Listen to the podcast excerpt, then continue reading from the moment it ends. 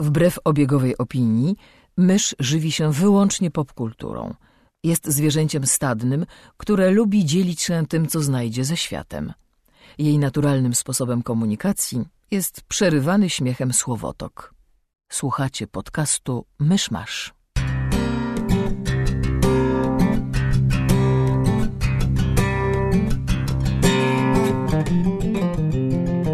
słuchacze, jest poniedziałek 22 czerwca 2020 roku. 34 lata Diego Maradona zdobył gola słynną ręką Boga. Zapraszam do 256 odcinka podcastu Myszmasz. Cześć, jestem Krzysiek Saran, a przy mikrofonach w innych częściach miasta siedzą Kamil Borek. Nie chcę, żeby to się stało moim catchphrase'em, ale znowu mnie boli głowa i wciąż wszystko jest do dupy. I mysz. Okej. Okay. To jest dobry początek podcastu. Witamy! E, tak, no więc e, ten, ta ciekawostka z, z, prologu to jest jakby nasz ukłon w stronę fanów sportu, którzy słuchają tego podcastu od 256 odcinków i czekali na cokolwiek dla siebie. Więc proszę, to było to. Ja mogę powiedzieć, że lubię koszykówkę. Niewiele więcej jestem w stanie o niej powiedzieć. Steph Curry jest dobry. Co tam u was? Jak się trzymacie? A co mamy się puszczać? Okej, okay, tak, to już nie przebijemy tego niczym w tym odcinku. Możemy kończyć. Do zobaczenia za dwa tygodnie. Do usłyszenia. Nie no, w, w porządku. Trochę pracy, trochę y, stresu. Y, wiesz, y, nadal trwa pandemia, ludzie mają to w dupie. Nas to nie dotyczy, bo nie wychodzimy z domu, zaraz wybory, na które musimy wyjść z domu. Ja muszę skasować kartę multisport, bo mi ją zawiesili, kiedy zamknęli wszystkie siłownie, ale ponieważ teraz wszystkie siłownie się znowu otwierają, to multisport znowu zaczyna działać, więc ja go muszę skasować. Musimy też skasować swoje karty Cinema City Unlimited, bo do kina też nie pójdziemy. No, więc tak. A co u ciebie, Krzysztofie? A w porządku, my już zaczynamy wychodzić. Must be nice. Hmm. No jest całkiem Może... miło, nie ukrywam. Polecam. Ja chyba dopiero na, na wybory wyjdę z domu w najbliższym czasie. Tak, ważne, ważne wybory. Jeżeli możecie, głosujcie w wyborach, błagam. We live in a country. Tak. No dobra, ale tutaj chyba zebraliśmy się, żeby nagrać odcinek y, czegoś. Żeby porozmawiać o popkulturze, a nie o rzeczywistości. Nie, że e... jedno jest odzwierciedleniem drugiego. Tak, jedno jest odzwierciedleniem drugiego, ale jedno jest używane do ucieczki od drugiego. Więc może skupmy się na tym. Czy oglądaliście coś miłego, przyjemnego? Tak, właśnie oglądam mojego kota, jak poluje na muchę na lazie w kuchni i trąca przy tym wszystko, co jest zawieszone. Czyli Polecam. jeżeli zaraz usłyszymy łoskot, to znaczy, że to jest kot. Tak, tak. Ten łoskot Aria czy Tyrion? Aria. Tyrion jest mało polujący. Jasne. Dobrze, ale skoro już zaczęliśmy mówić o polityce i o popkulturze, to Krzysztofie, wiem, że ty y, obejrzałeś y, drugi sezon serialu The Politician, którego polskiego tytułu teraz nie pomnę, ale jest to serial Netflixa. Po polsku, po polsku nazywa się Wybory Peytona Howarda, Hobarta, Jezus Maria. Wybory Peytona Hobarta. E, co ja nawet doceniam tę, tę grę słów w polskim tytule. Um, nie rozumiem, czemu został tak skomplikowany, ale niech im będzie. E, i tylko, że mówisz, skoro wspomnieliśmy o polityce, podczas gdy. To nie jest głęboko skrywana prawda tego serialu, wystarczy trochę tam podrapać, żeby przekonać się, że on kompletnie nie jest serialem politycznym. To znaczy, on jest serialem o cudzysłów robieniu polityki, wiesz, szukaniu haków na przeciwników, żeby ich zagiąć i podejść i wyciągnąć brudy z przeszłości, ale kwestii politycznych w nim nie ma. Znaczy, są. No, serial opowiada się jakby za aktywizmem klimatycznym i, i podkreśla groźbę zmian klimatycznych, jakie, e, jakie już zachodzą i jakie bardzo szybko skomplikują nam wszystkim życie. A jednocześnie, ponieważ odnosi ten globalny aspekt do bardzo lokalnych wyborów, do samego końca nie byłem przekonany, na ile serial jest szczery w poruszaniu tego tematu. Wydaje mi się, że w miarę jest, a jednocześnie też nie ukrywa, że jest to tylko, że, że bohater stosuje to jako pałkę, żeby bić w przeciwniczkę i, i e, zachęcać młodych do głosowania, więc. E, ale może odrobina kontekstu.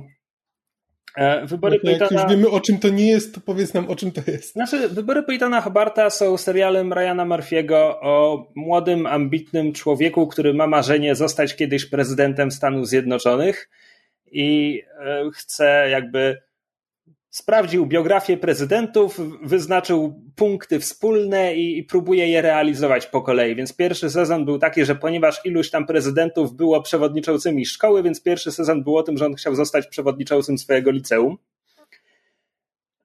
Po czym ostatni odcinek tamtego sezonu y, przenosił akcję już parę lat do przodu, kiedy bohater przeniósł się z Kalifornii do Nowego Jorku, zasadniczo porzucił swoje marzenie, popadł w alkoholizm i degrengoladę i w ogóle ale znajomi, którzy jakby byli jego sztabem w wyborach na przewodniczącego, tam mu mówią, że hej, tu za, za moment będą takie wybory. Jest tutaj taka starsza polityczka demokratyczna i nikt przeciwko niej nie kontrkandyduje już od 30 lat. To może dajmy jej kontrkandydata i, i, i może coś na tym ugramy. I drugi sezon jest właśnie o tym. To znaczy, mówiłem, że dotyczy lokalnych wyborów, ponieważ chodzi o Senat, ale Senat stanowy, Senat stanu Nowy Jork. E, I cały ten sezon jest o, o konfrontacji właśnie młodego Peytona Hobarta, który reprezentuje niesłuchanych młodych i który mówi o tych zmianach klimatycznych, walczącego z, z kobietą, która walczyła o sprawy postępowe całe życie, tylko że ponieważ walczyła o sprawy postępowe całe życie, więc mówimy o sprawach postępowych sprzed 30-40 lat. E, które jakby wciąż serce ma po właściwej stronie i tak dalej, no a jednocześnie jest, jest częścią establishmentu, nawet jeśli mówimy o lokalnym establishmencie, wiesz, w Albanii, w Nowym Jorku. No tak. E, jednocześnie przez cały sezon nie, jakby kamera ani razu nie trafia do Albanii, ponieważ chodzi o wybory w tam. Akurat chodzi o wybory w okręgu na Manhattanie, w związku z czym cała akcja serialu jest, jest tam skupiona.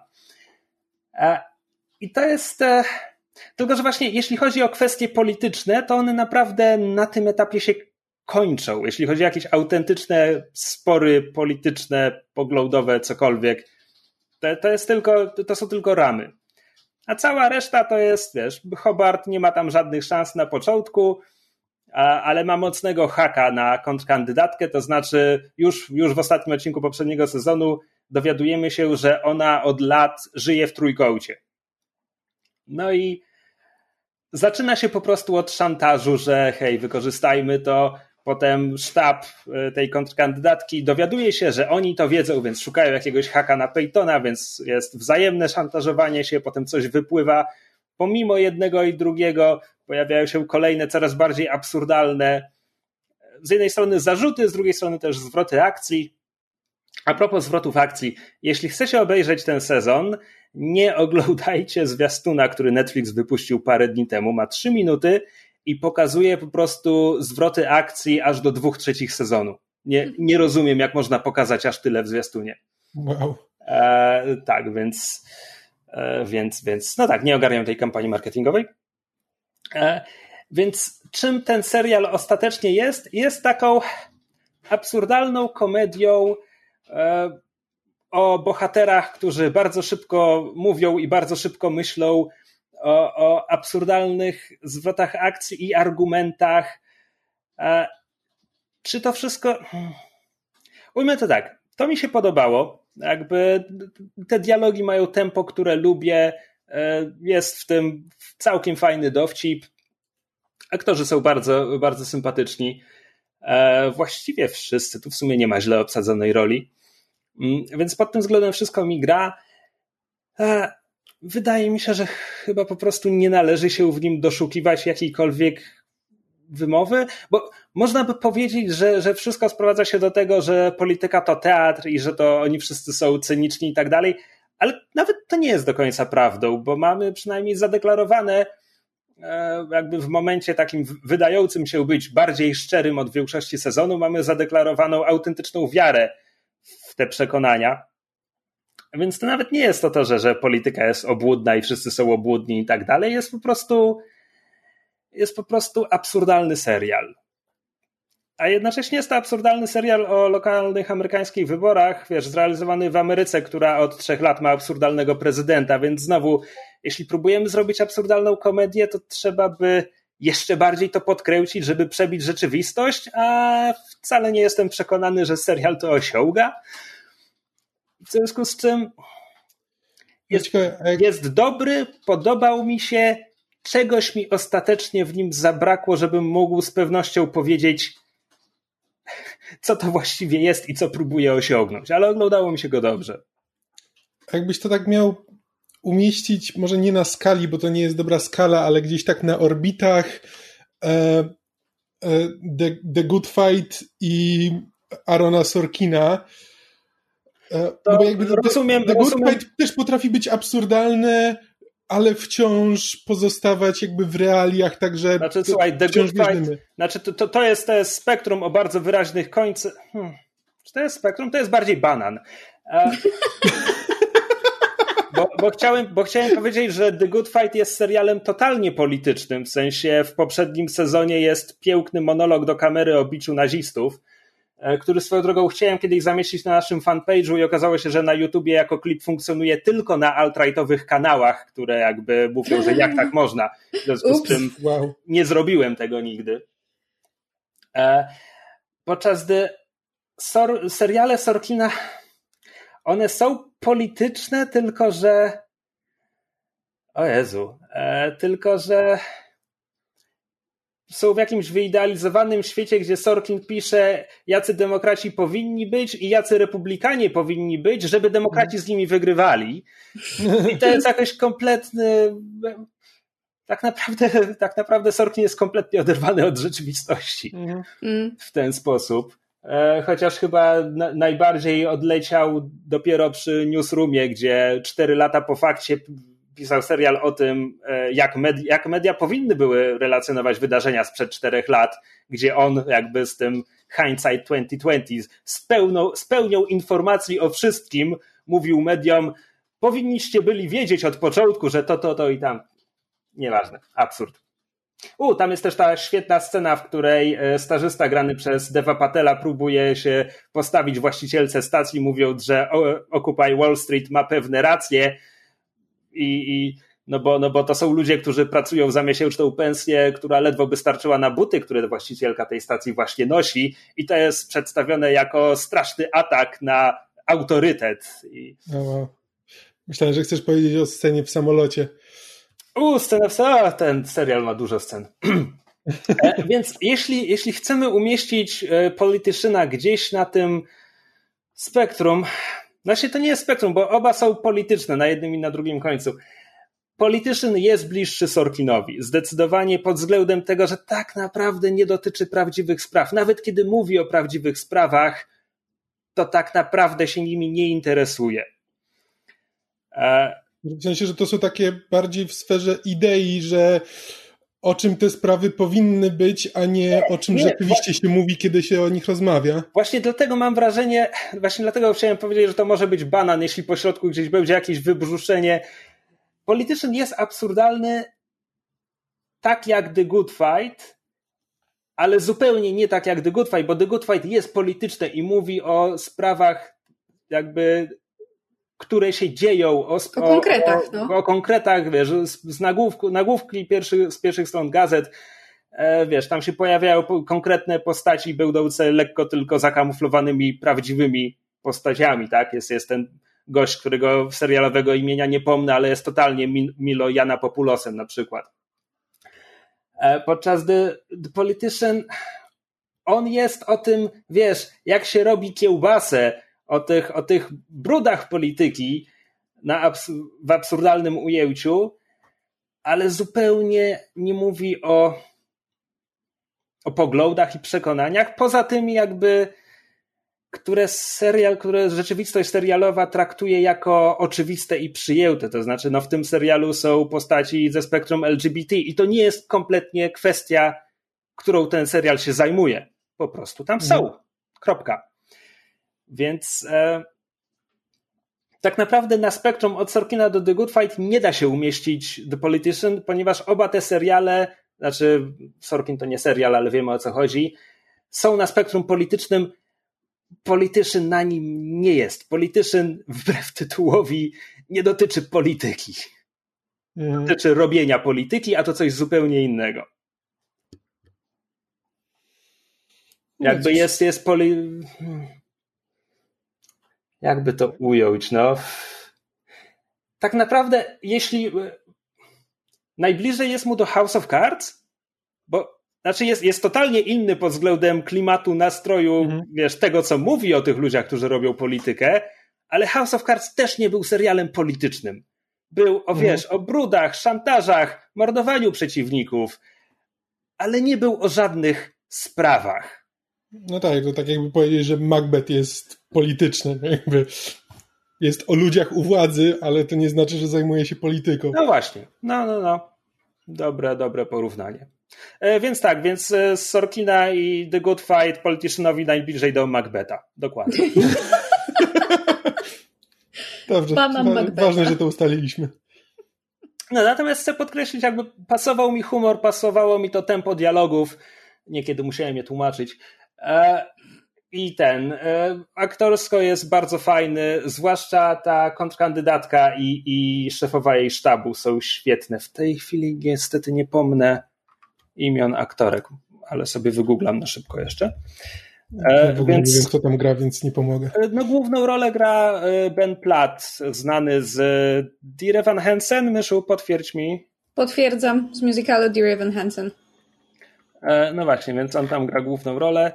E, na to, a, e, Gwyneth Paltrow gra jego matkę jako kompletnie oderwaną od rzeczywistości osobę, która w tym sezonie kandydatu, kandydatuje na gubernatorkę Kalifornii, co też jest też jest bardzo zabawne.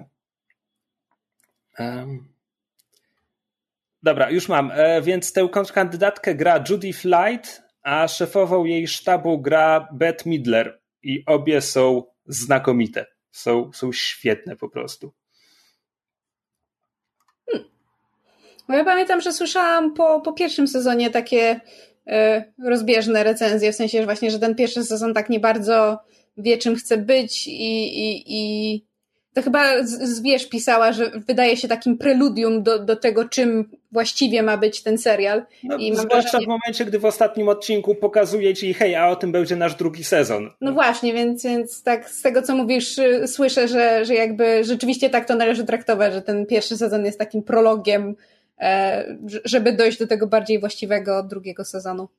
Tak naprawdę to ja nawet nie wiem, czy trzeba go oglądać, żeby zacząć oglądać drugi sezon.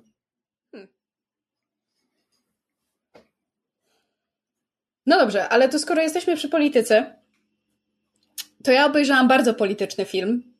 Film dokumentalny, żeby nie było, który między innymi polecaliśmy na um, fanpage'u podsłuchane.pl w ramach szerzenia tytułów e, czarnoskórych twórców i reżyserów, które warto obejrzeć. Mianowicie obejrzałam film e, 13th, czyli polski tytuł jest bodajże 13 poprawka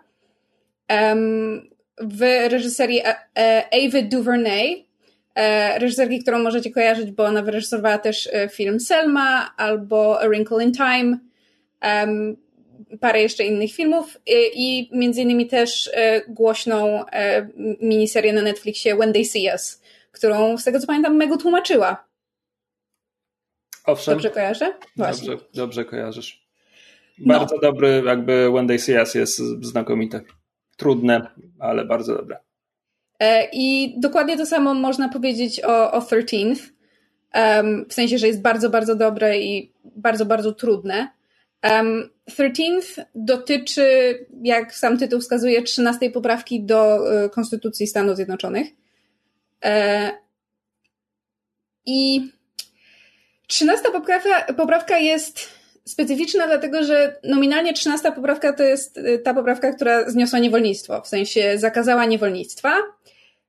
Ale 13, to, jak 13 poprawka jest sformułowane, y, głosi, że w Stanach Zjednoczonych zakazane jest y, niewolenie i, i praca przymusowa, chyba że jesteś osobą, która popełniła zbrodnię. W sensie zostałeś, zostałeś osądzony i skazany.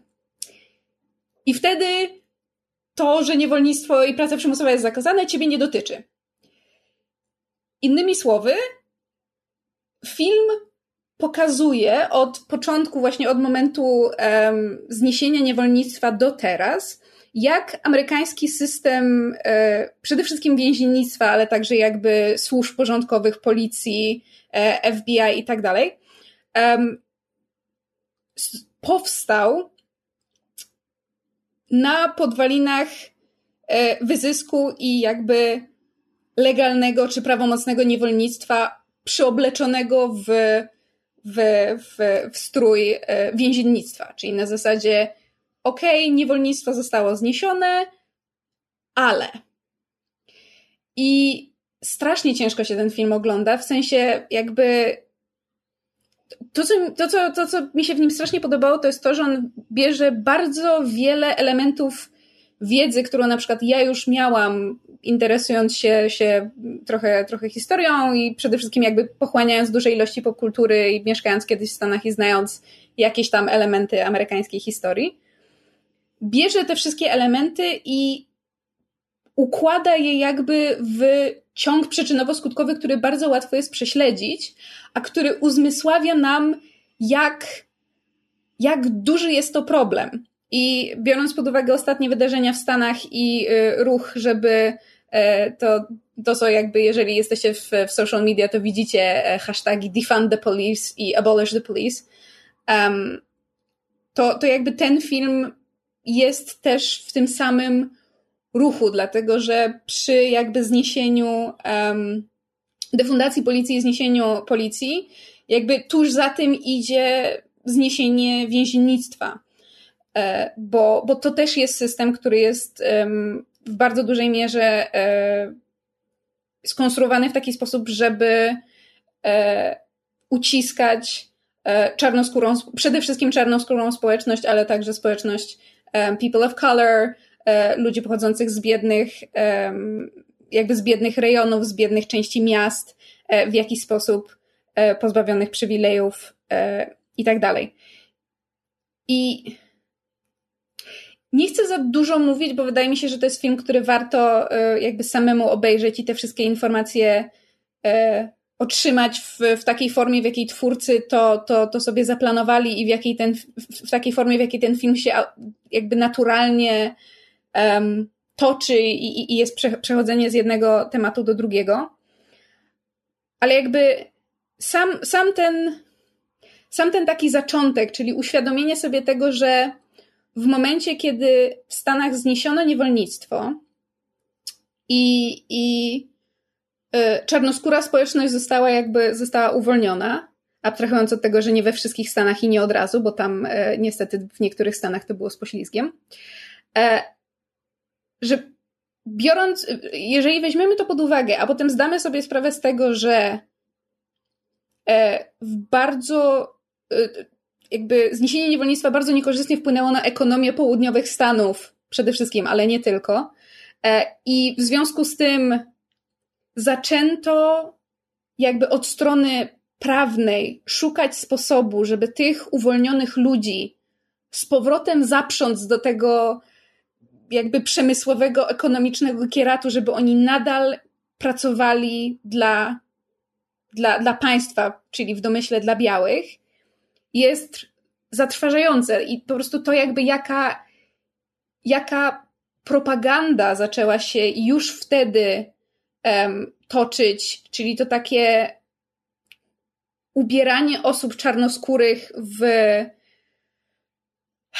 jakby określane ich mianem kryminalistów, czy e, nie wiem, e, gwałcicieli, czy jakby właśnie zbrodniarzy, zabójców, morderców, to wszystko w gruncie rzeczy zaczęło się po to, żeby nastawić białą e, społeczność przeciwko czarnej społeczności i móc zacząć ich wtrącać do więzienia i, i, i, i karać i skazywać na, na więzienie, by móc ich dalej wykorzystywać do, do tych samych prac, które jeszcze, prawda, te tam x lat wcześniej wyko wykonywali jako, jako e, wykonywali w niewoli. I drugą rzeczą, która mnie szalenie w sumie zaskoczyła, było to, jak w sumie dużą rękę do współczesnego jakby kryzysu e, tego masowego więziennictwa e, przyłożyli demokraci.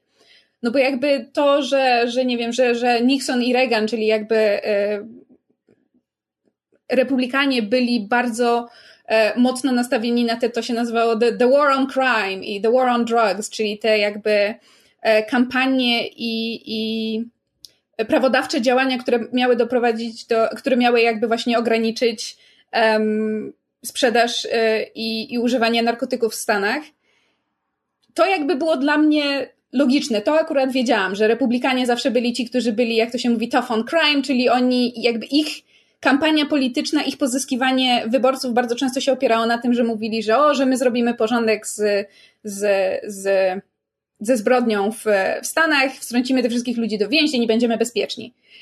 To, czego nie wiedziałam, to jak dużą jakby rękę do tego przełożył Bill Clinton. I tu nie chodzi o to, że miałam Billa Clintona za jakiegoś, wiecie, białego rycerza na białym koniu, no bo wszyscy wiemy, że, że miał dużo za uszami, ale jakby fragment w filmie, w, w, w 13 poprawce, gdzie jakby pokazane jest, że Bill Clinton wiedząc z poprzednich lat, jak demokraci przegrywali z republikanami w wyborach prezydenckich, ponieważ republikanie mieli właśnie o wiele bardziej agresywne podejście, czy jakby takie um, cięte podejście do, do właśnie kwestii um, zbrodni i przestępstw w Stanach stwierdził, że skoro do tej pory z nimi przegrywaliśmy, próbując być na pozycji tych, którzy um, podchodzą do tego bardziej e, roz, z rozmysłem i tak nie, nie próbujemy się od razu na, na, na to wszystko rzucać z,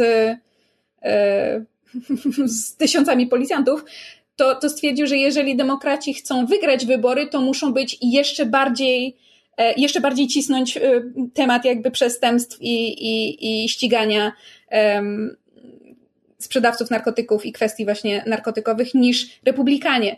W efekcie sytuację, którą mamy obecnie pod względem systemu więziennictwa, tak naprawdę do tej sytuacji doprowadzili demokraci, którzy teoretycznie jakby suma summarum zazwyczaj byli po tej drugiej stronie e, dyskusji, jak, e, jak drastycznie powinno się podchodzić do kwestii właśnie więziennictwa i, i karania przestępstw.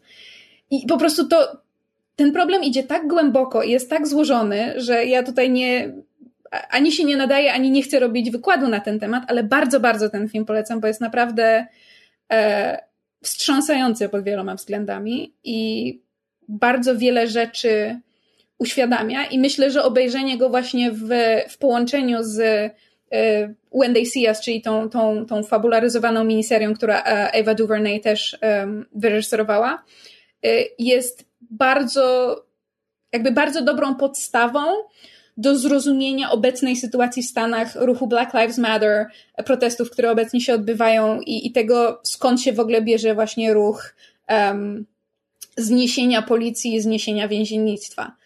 Bo jakby same liczby są, są abstrakcyjne, to znaczy, jeśli dobrze pamiętam dane, jedna na cztery uwięzione na świecie osoby jest w Stanach Zjednoczonych. W sensie, ze wszystkich ludzi uwięzionych we wszystkich więzieniach na świecie, jedna czwarta wszystkich uwięzionych na świecie jest w Stanach. Jakby wyobraźcie sobie te liczby, to jest abstrakcyjne. W tym momencie w, w systemie więziennictwa jest jakieś 2 miliony ludzi, w sensie w amerykańskim systemie więziennictwa jest ponad 2 miliony ludzi, z czego 97% nigdy nie miało rozprawy. Bo, bo jakby te, wiecie, oglądając te takie seriale e, kryminalne i, i prawnicze, gdzie zawsze jest ten prokurator, który składa propozycję na zasadzie mam do ciebie umowę, jeżeli się przyznasz do winy, to posiedzisz tylko tam, nie wiem, trzy lata, a, a jeżeli pójdziemy, jeżeli będzie, będzie rozprawa, to możesz dostać 30 albo nawet dożywocie. Ten system jest właśnie skonstruowany w taki sposób, że 97% obecnie uwięzionych w Stanach e, osób nigdy nie miało rozprawy, bo albo na przykład siedzą w więzieniu dlatego, że nie stać ich na to, żeby się wykupić, tak jak są te, um, można wpłacić kaucję, bail, żeby, żeby nie siedzieć w więzieniu, tylko czekać na, na, na rozwój um, naszej sprawy w, na przykład w domu, czy tam pod, pod, pod nadzorą, czyli parole. E, I większości osób po prostu na to nie stać. W związku z tym, jakby w tym momencie w amerykańskim systemie więziennictwa większość osób tam siedzi po nic, znaczy nie po nic, dla pieniędzy, to wszystko jest dla pieniędzy. Zresztą, dobra, bo, bo, naprawdę zaraz zacznę cały film opisywać. Obejrzyjcie koniecznie ten film. Z ciekawości, bo skoro wspomniałeś, że siedzą tam dla pieniędzy, czy jest tam też mowa o amerykańskim systemie więziennictwa i o tym, jak prywatyzacja więzień prowadzi do zapełtlania się tego, no bo prywatnych więzień nie obchodzi e, tak naprawdę e, Jezus Maria, słowo na ry. Rehabilitacja? Tak, właśnie. E, więc, więc e, w związku z czym e, w związku z czym oni zarabiają na więźniach, więc właściwie to zależy im, żeby oni wracali jak najszybciej. Jak najbardziej. I jest też bardzo ciekawy fragment na temat, um, to się nazywa, o Boże, ALEC. Um, to jest American Legislative Exchange Council.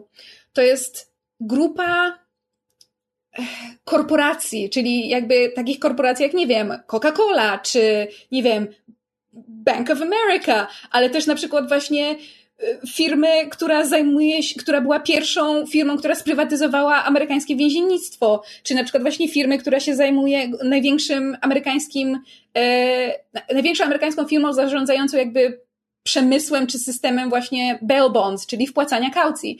I jest to, to jest jakby tak chore, jakby, że, że to właśnie ten Alek, czyli ta, ta grupa tych, tych korporacji, które mają swój interes w tym, żeby amerykański system więziennictwa się kręcił i rozrastał, jak bardzo oni byli w stanie wpłynąć na prawa, które zostały w Stanach ustanowione, które doprowadziły do tego, że y, z roku na rok wzrastała liczba uwięzionych. To znaczy, oni macza, maczali palce jakby w większości amerykańskich um, ustaw i praw, które dotyczą na przykład te, tego tak zwanych, um, co się nazywa mandatory sentencing, jeśli dobrze pamiętam, czyli tego, że sędzia nie ocenia każdego przypadku indywidualnie, tylko y, jakby nie patrzy na okoliczności łagodzące, czy na kontekst, czy na cokolwiek, tylko jeżeli zrobiłeś rzecz A, to minimum dostaniesz na przykład, nie wiem, 3 lata, albo 6 lat, albo 20. I w związku z tym jakby zabrano sędziom bardzo ważne narzędzie, które jakby było częścią systemu sprawiedliwości, jakby słowo kluczowe sprawiedliwość, a doprowadzono do tego, że po prostu oni z automatu muszą według prawa skazywać osoby na takie, a nie inne długości wyroków. No i te osoby trafiają do, do, do więzienia i nakręcają ten system. To jest naprawdę, to jest jakby dawno nie widziałam tak fenomenalnie skonstru- skonstru- skonstruowanego filmu dokumentalnego i fascynujące i bardzo, bardzo dobre jest też to, że e, oczywiście są tam wywiady z, z, z, ze specjalistami, z ludźmi, którzy się tym tematem zajmują, z aktywistami, e, znaczy tfu, może nie z aktywistami, tylko działaczami. E, działaczami społecznymi, ludźmi, którzy jakby siedzą w tym temacie, z byłymi więźniami, którzy teraz też są działaczami, ale jest też z politykami z obu stron jakby płotu, czyli zarówno z republikanami, jak i demokratami. I niesamowite jest to, jak wielu republikanów, którzy w czasach, kiedy powstawały, powstawało bardzo wiele z tych ustaw i których efekty widzimy do dzisiaj, teraz z perspektywy czasu absolutnie otwarcie mówi: hej, to był błąd. I tak, to nawet jeżeli nie było w zamyśle skierowane przeciwko czarnoskórym, tutaj mysz robi nawias, a było, zamykam nawias, to odbiło się przede wszystkim na czarnoskórej, społeczno czarnoskórej społeczności Stanów. Naprawdę, obejrzyjcie ten film, on, on nie jest długi, on ma 100 minut, więc to jest naprawdę, to jest na, na jedno posiedzenie, a jest, jest ciężki, ale jeżeli chociaż przez moment się zastanawialiście nad tym, co się teraz dzieje w Stanach i, i mieliście wątpliwości co do tych okrzyków e, znieśmy policję, znieśmy więziennictwo, to koniecznie obejrzyjcie 13 poprawkę na Netflixie. E, I bardzo polecam też e, wywiad z Oprah Winfrey, który Ava DuVernay właśnie udzieliła, czy taką jakby usiadły i sobie, sobie porozmawiały na temat tego filmu, który też jest do obejrzenia na Netflixie. Zresztą będzie w polecanych, jak tylko, jak tylko klikniecie na 13 poprawkę. Bardzo, bardzo ten film polecam. Naprawdę bardzo, bardzo ważny film. O. Okej, okay, nie wiem jak przejść dalej. Bo tak poza tym to myśmy jeszcze z myszą oglądali coś y, dużo głupszego, ale też bardzo fajnego. Tak, teraz e. kompletnie, wiesz, 180 zmiana klimatu i tematu. Um, bo w ramach, y, ja, ja raz na jakiś czas przez y, media społecznościowe e, organizuje tak zwany hashtag seans z myszą, to znaczy e, jest taka wtyczka do przeglądarki, która się nazywa Netflix Party, która po prostu pozwala ludziom w różnych miejscach, e, którzy mają konto na Netflixie, oglądać jeden film wspólnie i poprawia masz okienko czatu i możecie sobie po prostu ten film omawiać. Czyli takie po prostu wtyczka do wspólnego oglądania rzeczy na Netflixie. Są też inne tego typu programy, które pozwalają oglądać rzeczy z innych platform, na przykład, nie wiem, z YouTube'a, czy, czy po prostu plik, który masz na komputerze, możesz streamować. Legalność tego jest wątpliwa, ale to nieistotne.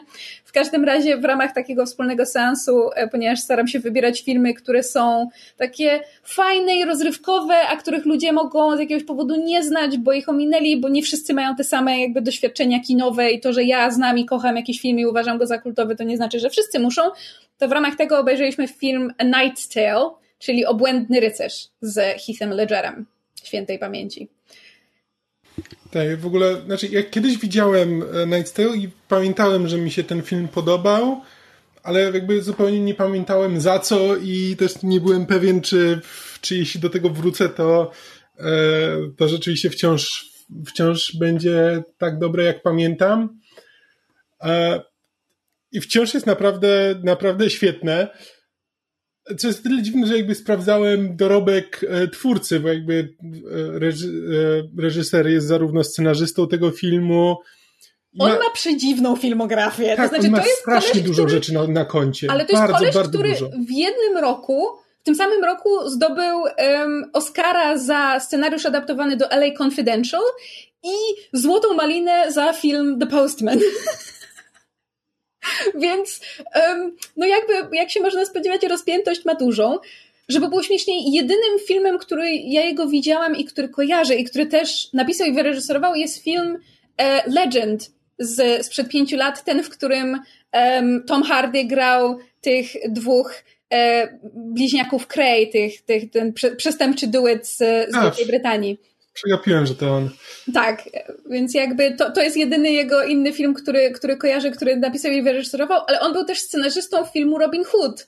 E, Ridleya Scotta, tego sprzed 10 lat z Russellem Crowe'em, który wszyscy zjechali, a który ja pamiętam, że oglądałam i miałam takie, kurde, to jest taki ten film jest strasznie zabawny i miał bardzo fajnie pokazano właśnie tę taką, to się po angielsku nazywa camaraderie, czyli te takie, nie chcę powiedzieć kumoterstwo, bo to nie to, ale takie, takie fajne relacje między tym, tym, tym Robinem i tym, tą jego wesołą kompanią. E, i, I pod tym względem jakby obłędny rycerz też się to, w to wpasowuje, natomiast um, on też między innymi, e, w sensie ten, ten e, twórca Brian Helgeland, e, napisał też film Mystic River Clint Eastwooda, który przecież też powygrywał E, mnóstwo nagród, więc koleś po prostu od sasa do lasa. A nie widziałaś, nie widziałaś LA Confidential? Nie, nie krzycz. Znaczy, to ja kiedykolwiek krzyczę. E, widziałam, czym... widziałam Cirque du Freak The Vampire's Assistant, który też napisał. znaczy zaadaptował. Bo to... Tajemnice Los Angeles są bardzo, bardzo porządne, no ale on tam adaptował powieść. Co no prawda tak. nie czytałem powieści, więc nie wiem na ile że tak powiem, ile dołożył od siebie. No, ale w każdym razie y, rozpiętość ma dużą, przy czym... Czy myśmy powiedzieli jego nazwisko? Przed chwilą powiedziałam, Brian Helgeland. Dobra. E, ale może powiedzmy parę słów, o czym jest Obłędny Rycerz, bo tak jak y, wiem z czatu, bo niektórzy mówili, że pierwszy raz w życiu ten film oglądają, nie wszyscy muszą wiedzieć, o czym to jest film. Więc Obłędny Rycerz opowiada o młodym giermku, znaczy młodym, no dwadzieścia parę pewnie ma lat. Nie wiem, bo trudno ocenić. E, e, o młodym giermku Williamie e, Thatcherze, który, jak, jako się rzekło, jest giermkiem rycerza, który jakby utrzymuje się z tego, że walczy na, bierze udział w turniejach walk na kopie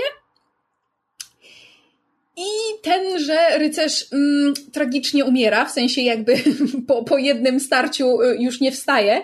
W związku z tym y, William postanawia się pod, podszywać pod E, pod, pod szlachcica, pod rycerza, no bo tylko rycerze mogli być, znaczy tylko szlachcice mogli być rycerzami, postanawia się podszywać pod rycerza, żeby jakby spełnić swoje marzenie o zostaniu rycerzem, no i przy okazji e, jakby mieć za co jeść. W tym pomagają mu dwa jego, dwa jego towarzysze też, też tam e, giermkowie, Roland i Watt.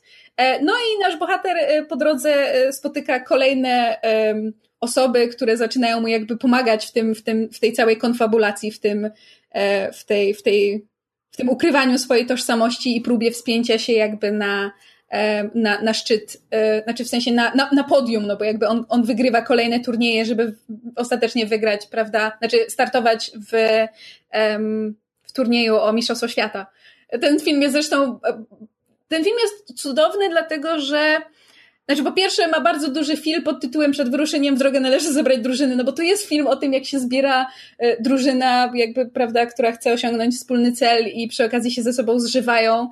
Ale jest też film cudownie anachroniczny i to jest jego największa zaleta, bo, znaczy, moim zdaniem, niewiele jest filmów, które są w stanie tak dobrze bawić się anachronizmami, bo z jednej strony to jest film umiejscony w XIV wieku e, i i jakby nie, nie kryje się z tym, że no, dzieje się wtedy, kiedy jakby właśnie pojedynki, rycerze, y, damy dworu i tak dalej były, y, istniały i, i były częścią rzeczywistości.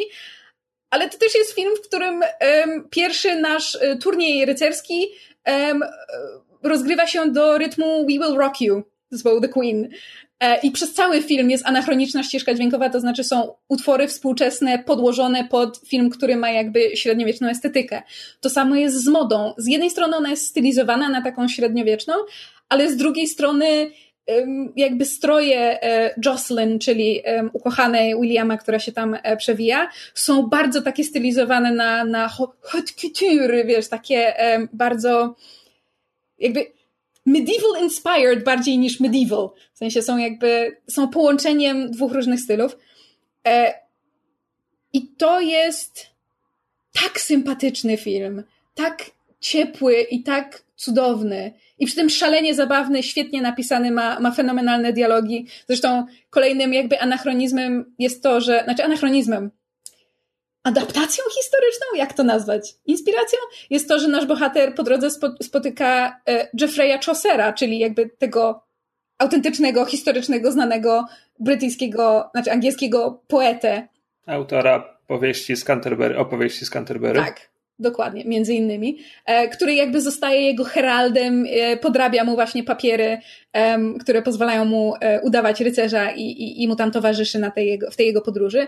Mamy też księcia Edwarda, nie pamiętam numerku, ale w sensie autentyczną postać, a, a Edward Czarny Książę to jest, to jest tam Edward, który trzeci, czwarty, o Boże, historia, taka trudna musiał być czwarty, bo był królem, Edwa znaczy synem Edwarda III. Nieważne. W każdym razie jakby mamy postacie historyczne wplecione w historię, która jakby no, jest średnio historyczna, a moim ulubionym już w ogóle aspektem jest to, że ta, ta cała otoczka tych, tych turniejów rycerskich jest w tym filmie pokazana trochę jak mecze piłki nożnej, włącznie z, właśnie z, z, z kibolami z przyśpiewkami i jakby tą taką, taką całą e, kulturą. Nie jest to może główny element tego filmu, ale, ale gdzieś to tam się e, przytacza.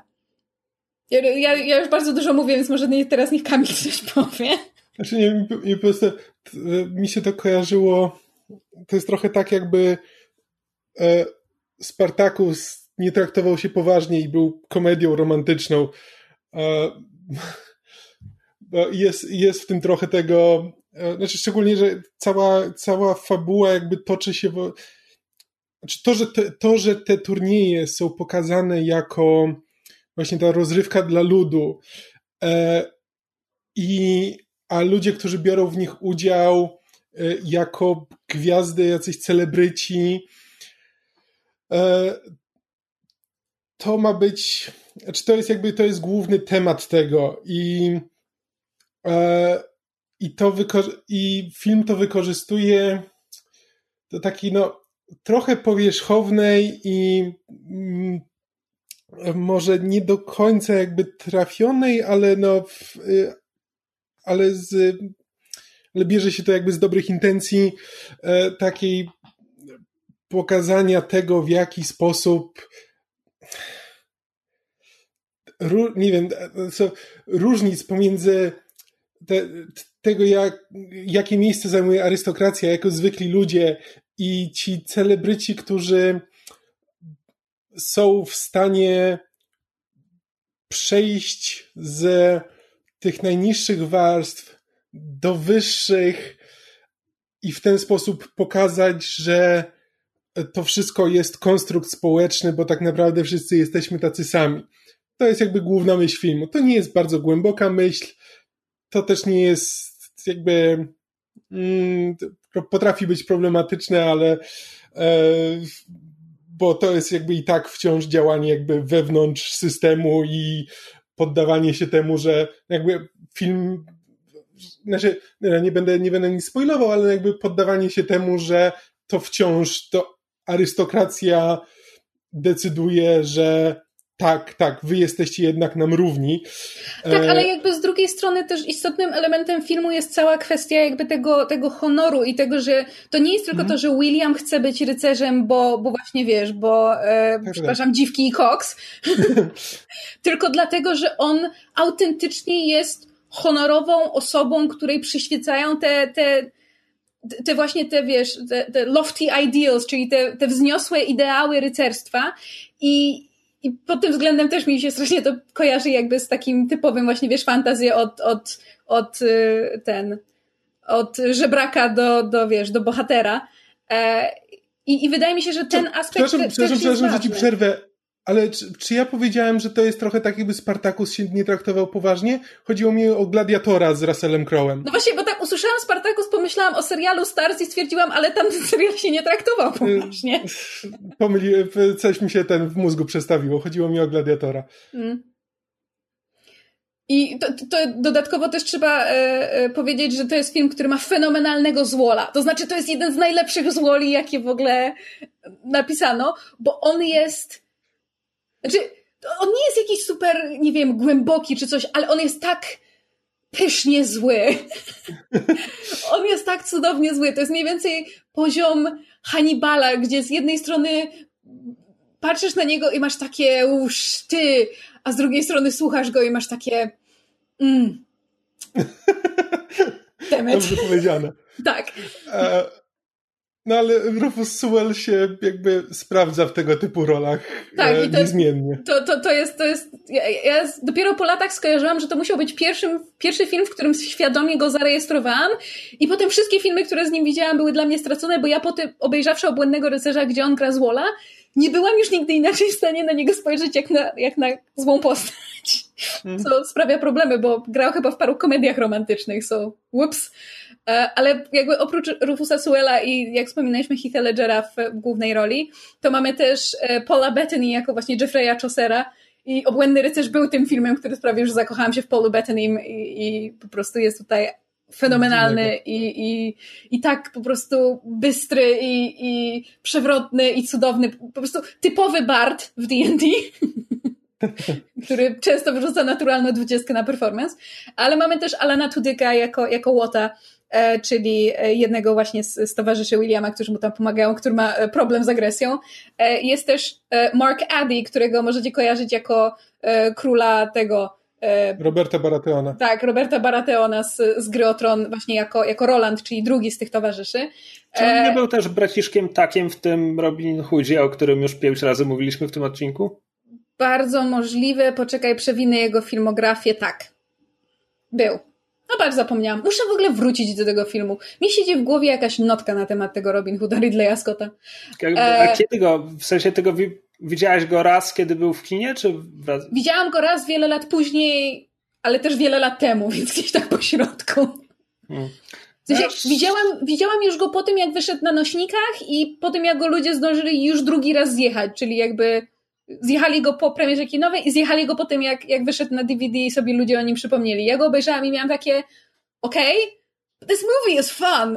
Znaczy, ten film nie zasługuje na zjechanie, ale też, szczerze mówiąc, nie zasługuje na wiele więcej. Tak, ale znaczy po prostu.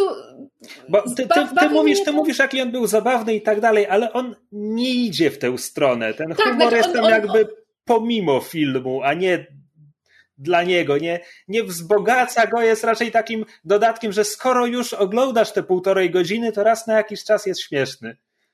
Tak, to, to, to nie to znaczy skojarzenia z Gladiatorem są o tyle słuszne, że Robin Hood Ridleya Scotta traktuje się bardzo poważnie, a jakikolwiek humor, czy właśnie takie poczucie ciepła, czy takiego camaraderie, które tam wychodzi, jest jakby pomimo wszystkiego, czym ten film chce być. I dlatego mam wrażenie, że jakby, że ten taki patos tego filmu wynika z Ridleya Scotta, a ten, ten humor wynika ze scenariusza właśnie Briana Helgelanda, bo jakby scenariusz do Obłędnego Rycerza jest, jest pełen właśnie tego typu, wiesz, błyskotliwych dialogów i takich naprawdę po prostu mua, perełkowych scen, gdzie masz, y, wiesz, y, esencję wszystkich bohaterów po prostu w jednej scenie ci wychodzi i oni błyszczą i to jest, to jest naprawdę cudowne. To jest, ten film w tym momencie ma 19 y, lat, prawie dwie dekady, wyszedł prawie dwie dekady temu i on się nie zestarzał. W sensie, biorąc pod uwagę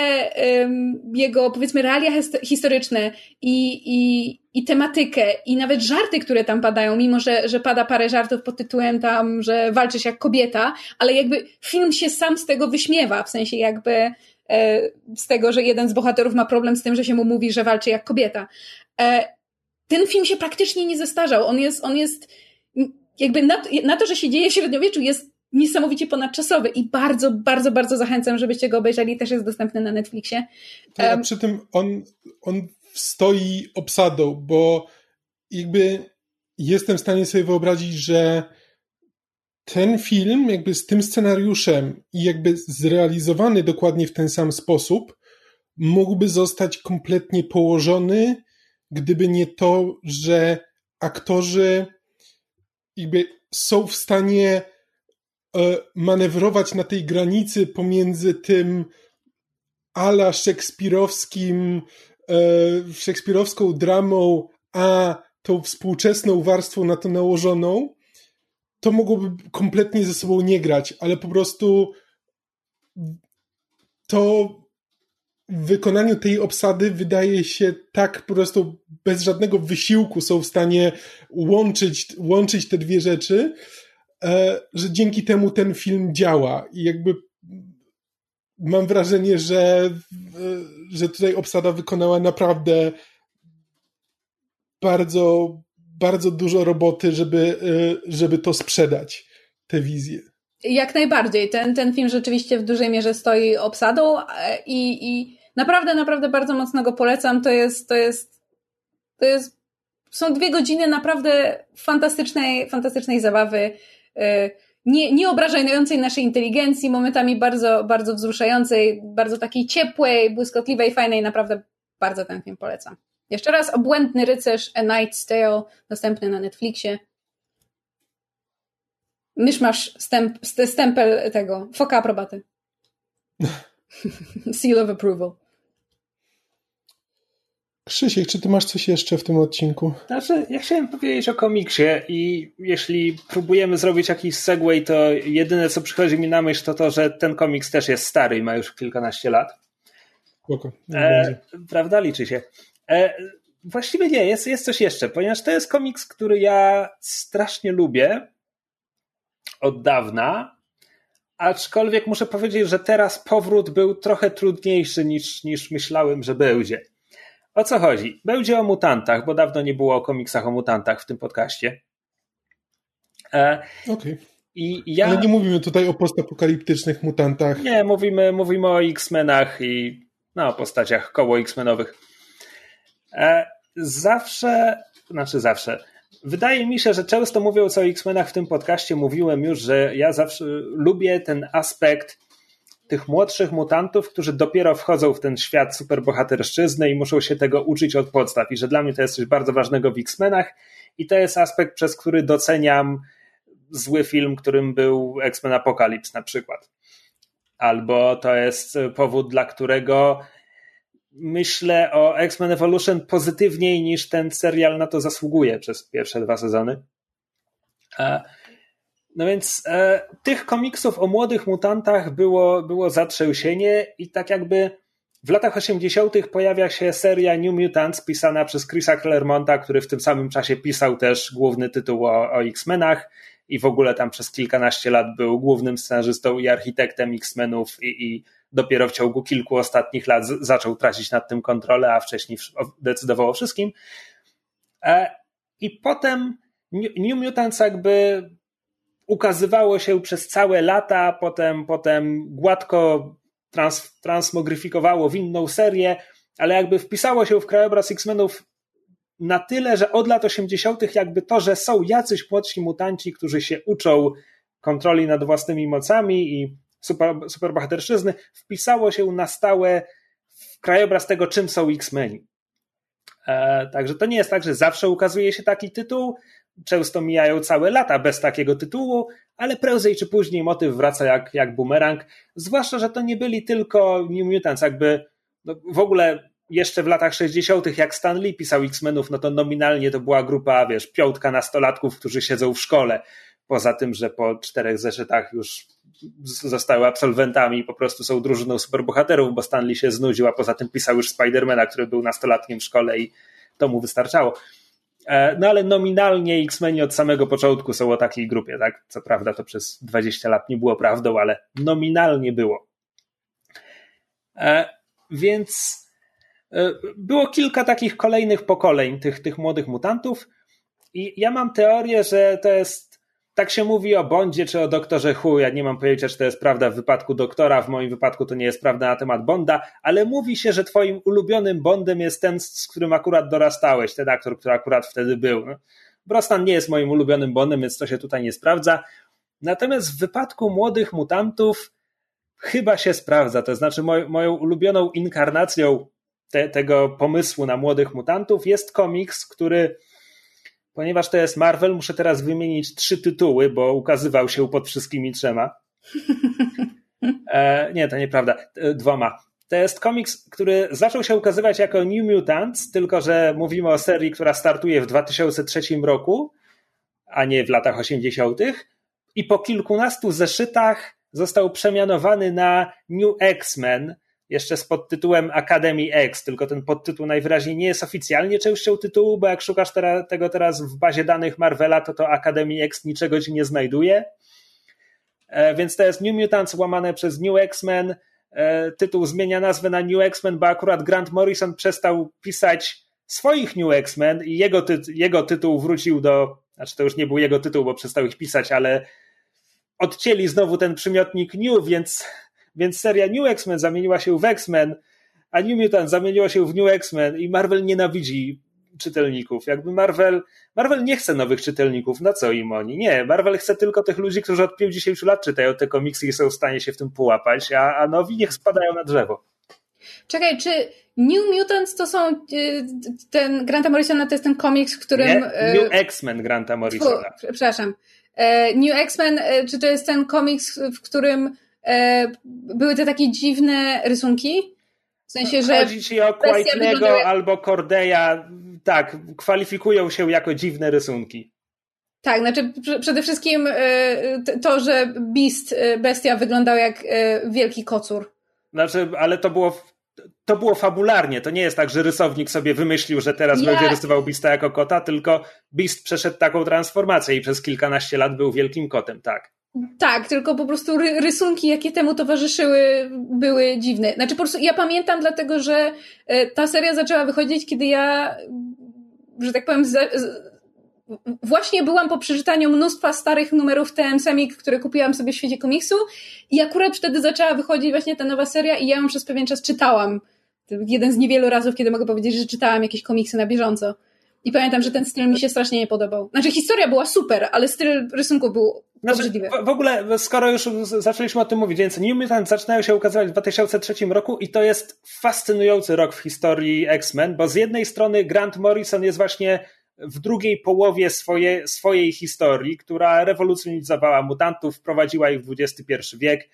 Ja mam z nią sporo problemów, ale niczego Morrisonowi nie ujmuję. No na pewno sprawił, że po, po kilku latach kompletnego zagubienia, późne lata 90. były bardzo złe dla X-Men.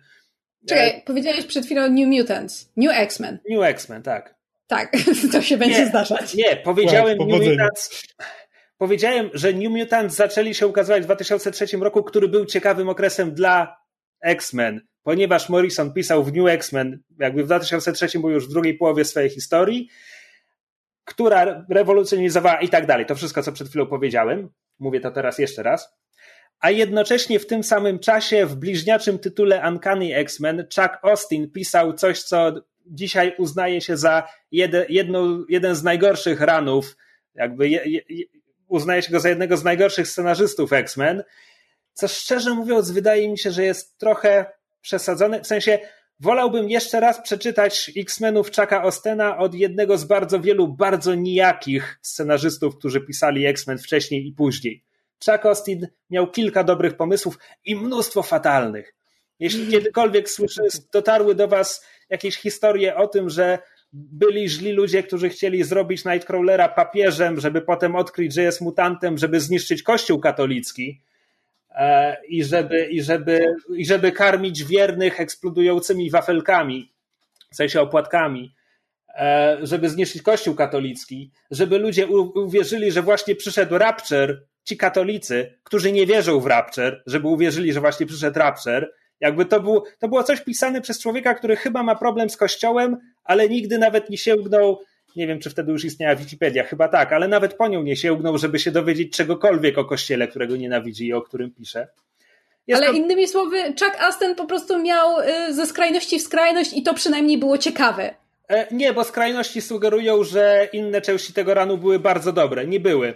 Po prostu miejscami były ciekawe. Na przykład on jest, on jest człowiekiem, który rehabilitował Juggernauta przez, przez kilka lat, potem Juggernaut był dobry i to jest całkiem porządny wątek. To był człowiek, który zaskakująco spoko pisał Northstara jako X-Mena, bo y, Northstar pochodził z zupełnie innego komiksu. Northstar jest tym pierwszym wyautowanym gejem w uniwersum Marvela, w sensie superbohaterem, który był gejem. E, I, I on jest mutantem, natomiast długo nie miał nic wiele wspólnego z X-Menami. Dopiero pod kuratelą Chucka Ostena on zostaje X-Menem i jest poprowadzony spoko. To jest spoko. A jednocześnie Chuck Austin jest też autorem, który stwierdził, że Nightcrawler ma ojca demona i ten demon, e, znaczy on jest mutantem, ale podaje się za demona i siedzi zamknięty w piekielnym wymiarze e, i żeby się stamtąd uwolnić, wprowadza w życie taki skomplikowany plan, ponieważ on jest tam zamknięty w tym więzieniu, w innym wymiarze, tak? On jest tam zamknięty. Więc żeby z niego uciec, wprowadza w życie taki plan, który zakłada, że spłodzi mnóstwo dzieci z wieloma kobietami na ziemi, w tym Nightcrawlera, e, i wszystkie te dzieci będą teleporterami i te dzieci potem on będzie kontrolował ich umysły czy coś i one razem otworzą portal, dzięki któremu on ucieknie z tego piekła. Jeśli zapytacie się teraz, w jaki sposób chodził te wszystkie dzieci na ziemi, skoro był uwięziony w piekielnym wymiarze, żeby uciec z piekielnego wymiaru, to już zastanowiliście się nad tą fabułą dłużej niż autor. Ale dlaczego to brzmi znajomo? Czy części tego nie były w X-Men Evolution? Nie. Aha. Nie, w X-Men Evolution tylko widzimy, że Nightcrawler teleportuje się przez jakiś piekielny wymiar. Jest o tym A, jeden odcinek. Okej, okay. to, może, to może dlatego mi się pokićkało. Nieważne. W każdym razie e, mówię o tym wszystkim. Jest Maria, nagramy trzygodzinny odcinek, jeśli pozwolicie mi wpadać w takie dygresje o mutantach. I bardzo dobrze, poprzedni miał 45 minut i ludzie byli niepocieszeni. Jesteśmy im winni więcej kontentu. E, więc mówię o tym tylko, żeby powiedzieć, że to był ciekawy okres dla mutantów. Początek XXI wieku, rok 2003 i na tym tle E, z uwagi na to, co się działo w ranie Granta Morrisona, e, w tamtej historii Charles Xavier przyznaje się publicznie, że jest mutantem i szkoła, jego szkoła po raz pierwszy zostaje otwarta ogólnie dla ludzi, w sensie mutantów, ale ogólnie dla mutantów, a nie tylko dla tych paru farciarzy, których, których Charles Xavier tam zaprosił. Co prawda tego coming outu nie dokonuje sam Charles Xavier, tylko jego siostra bliźniaczka, która właśnie się pod niego podszywa. Nieważne, nie, nie wchodźmy w takie szczegóły. W związku z czym szkoła Xaviera zostaje otwarta ogólnie dla mutancich uczniów, co oznacza, że nagle zamiast grupki kilku młodych mutantów, tam jest około 200 uczniów, z których większość pozostanie nienazwana i będą figurowali tylko gdzieś głęboko w tle i tak dalej.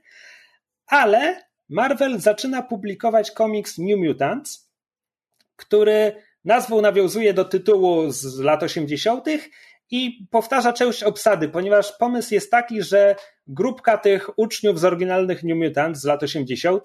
jest już teraz młodymi dorosłymi, koło 20 lat mają i oni teraz będą uczyć to nowe pokolenie tych młodszych od siebie o tam 5-6 lat mutantów.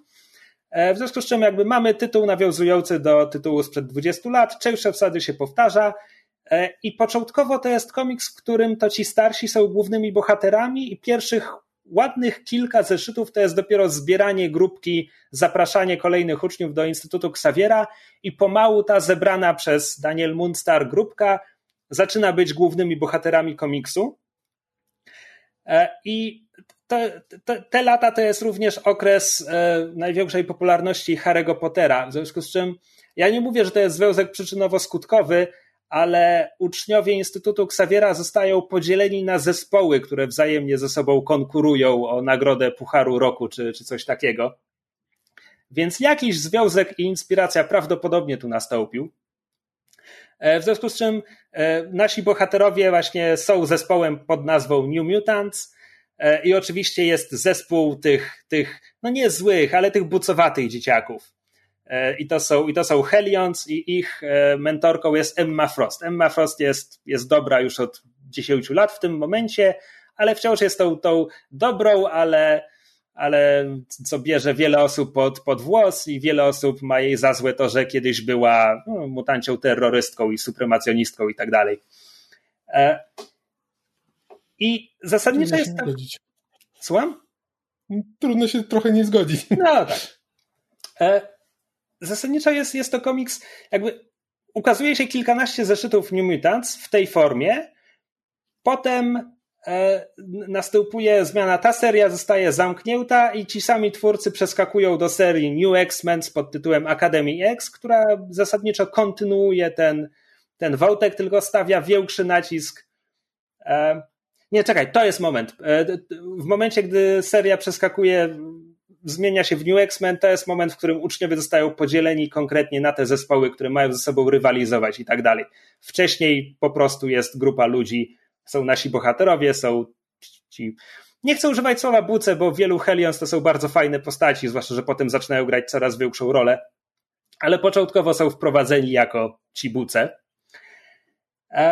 I New, New X-Men ma kolejnych kilkanaście zeszytów pod kuratelą tych samych scenarzystów. To jest małżeństwo Christina Weir i Nuncio de Filippis. E, I w okolicach 20 zeszytu oni odchodzą z tego tytułu i zastępują ich, zastępuje ich duet scenarzystów e, Craig Kyle i Christopher Yost. Jeśli komuś te nazwiska wydadzą się znajome, to dlatego, że mogłem o nich wielokrotnie wspominać, bo to są twórcy X-Men Evolution na przykład, a Christopher Yost e, teraz pisze też, pisuje scenariusze filmów e, Marvelowych między innymi i nie tylko. Ostatnio robił coś przy Ezu. Jeden z seriali, który ostatnio oglądałem. Nie, nie przypomnę sobie, nieważne. E, w każdym razie oni przychodzą i zasadniczo, kiedy ja mówię, że to jest mój ulubiony komiks o młodych mutantach, ja zawsze mam na myśl ten etap od momentu, w którym oni przychodzą. Bo to z kolei zbiega się z innym wydarzeniem z komiksów Marvela, konkretnie z e, House of M, po polsku wydane jako Rud M, na koniec którego Scarlet Witch odbiera moce tam 90% mutantów na Ziemi, co oznacza wywrócenie tego tytułu do góry nogami. Kompletnie. Przy czym prawda jest taka, że kiedy ja to czytałem za pierwszym razem, ja nie czytałem New Mutants i nawet nie jestem stuprocentowo pewien, czy New X-Men zacząłem czytać od pierwszego zeszytu. Na pewno czytałem ten komiks co najmniej parę zeszytów zanim Kyle i Jost tam przychodzą, ale nie byłem bardzo zżyty z wersjami tych postaci autorstwa Weir i De Filippis. I Kyle i Jos tam przychodzą, fundują tym bohaterom absolutne piekło, po to, żeby, że tak powiem, w ogniu tego piekła ci bohaterowie jakby wykuć z nich bohaterów. I, I w momencie, w którym oni zostają bohaterami i rzeczy zaczynają im wychodzić i zaczynają wygrywać walki, to się robi świetne. Natomiast teraz czytając, po raz pierwszy robiłem powtórkę od początku New Mutants Weir i The Philippines przez New X-Men Weir i The Philippines. Ten moment przejścia, to nadejście Josta i Kyla jest tak absurdalnym ponuractwem, że aż mnie trochę odrzuciło. Zwłaszcza, że to są pierwsze dwie historie. To jest po prostu kolejna klęska za klęską i kolejne przegrane i kolejne zgony. I dopiero w trzeciej historii bohaterowie zaczynają jakby dorastać do roli i zaczynają, że tak powiem, oddawać temu światu, który ich gnębi. I dopiero od tego momentu, tak jak teraz to czytam, to dopiero od tego momentu to jest tytuł, który tak dobrze wspominam, bo te pierwsze dwie historie są straszne. To nie jest jedyny straszny aspekt tego komiksu, niestety.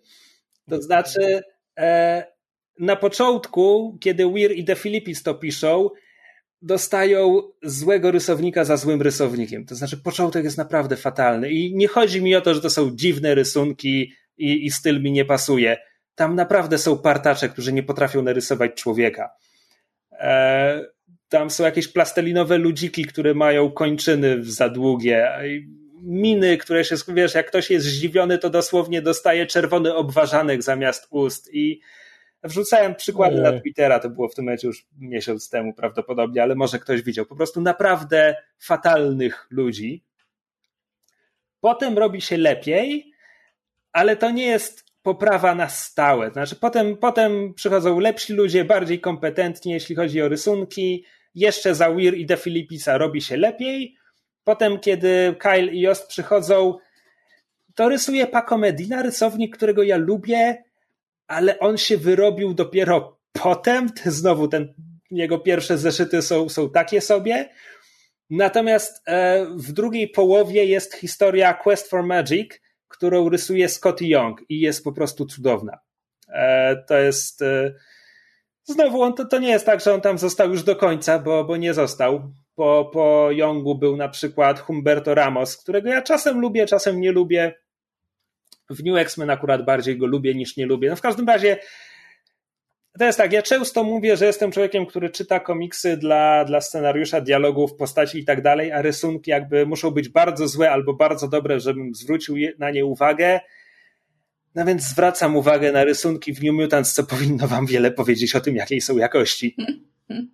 E, przy czym i teraz wróć. Skoro już opisałem, wiesz, jak to wszystko wygląda, to wróćmy do tego punktu przejścia od Weir i De Filippis po Kyla i Josta, bo ja rozumiem, czemu jest segment fandomu e, X-Meńskiego, który nienawidzi ranu Josta i, i, i Kyla, ponieważ teraz, jak przeczytałem to od początku i miałem okazję zżyć się z tymi postaciami w wydaniu Weir i De Filippisa, to moment tego przejścia jest naprawdę po prostu jak dostajesz, dostajesz czymś po twarzy, nie wiem, flowdrow, czymś nieprzyjemnym w każdym razie. Najlepiej jeszcze zimną i mokrą. E, bo masz tak, masz New Mutants dotąd jest komiksem, w którym Daniel Mundstar, czyli absolwentka oryginalnych New Mutants, jest mentorką grupy młodych bohaterów, którzy mają na pieńku z Helioncami, czyli drugą grupą młodych bohaterów, z, który, z którymi z częścią się nawet w miarę lubią i mają jakieś relacje, ale ich przywódca ksywa Helion, to jest Helion and the Helions, e, on jest strasznym dupkiem, aczkolwiek ma tam, wiesz, on jest takim bad boyem, co ma tam gdzieś w głębi jakieś, jakieś lepsze serduszko i tak dalej, tylko że bardzo dobrze je, je chowa, bardzo długo. I to jest ten komiks. I tam Daniel Munstar ma też, ma też swoje przyjaciółki z New Mutants, które też grają, grają, no powiedzmy, drugoplanowe role w tym tytule i tak dalej. I to jest spoko. I kiedy, kiedy już przychodzi ta zmiana, że, muta, że uczniowie są podzieleni na te zespoły i zaczynają konkurować ze sobą, masz takie, no tak, to jest taki Hogwart dla mutantów. To jest fajne. Spokojnie mógłbym to poczytać jeszcze kilkanaście, jeśli nie kilkadziesiąt zeszytów, tylko o tym, jak oni są w szkole i mają szkolne problemy i rywalizację. No więc nie, bo przychodzi wielki event Marvela i przychodzi odebranie mocy 90 paru procentom mutantów na Ziemi i przychodzi Kyle i Jost i mamy takie to co, Daniel Munster straciła moce, Emma Frost wyrzuca ją z instytutu, bo to już nie jest miejsce dla niej.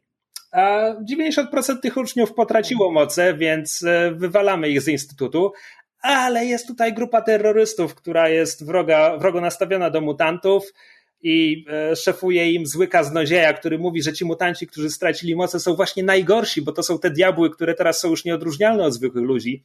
Więc to nie jest tylko tak, że pozbawimy mocy 90% drugo, trzecio i czwartoplanowej obsady tego komiksu, tylko potem jeszcze ich zabijemy w jednej eksplozji.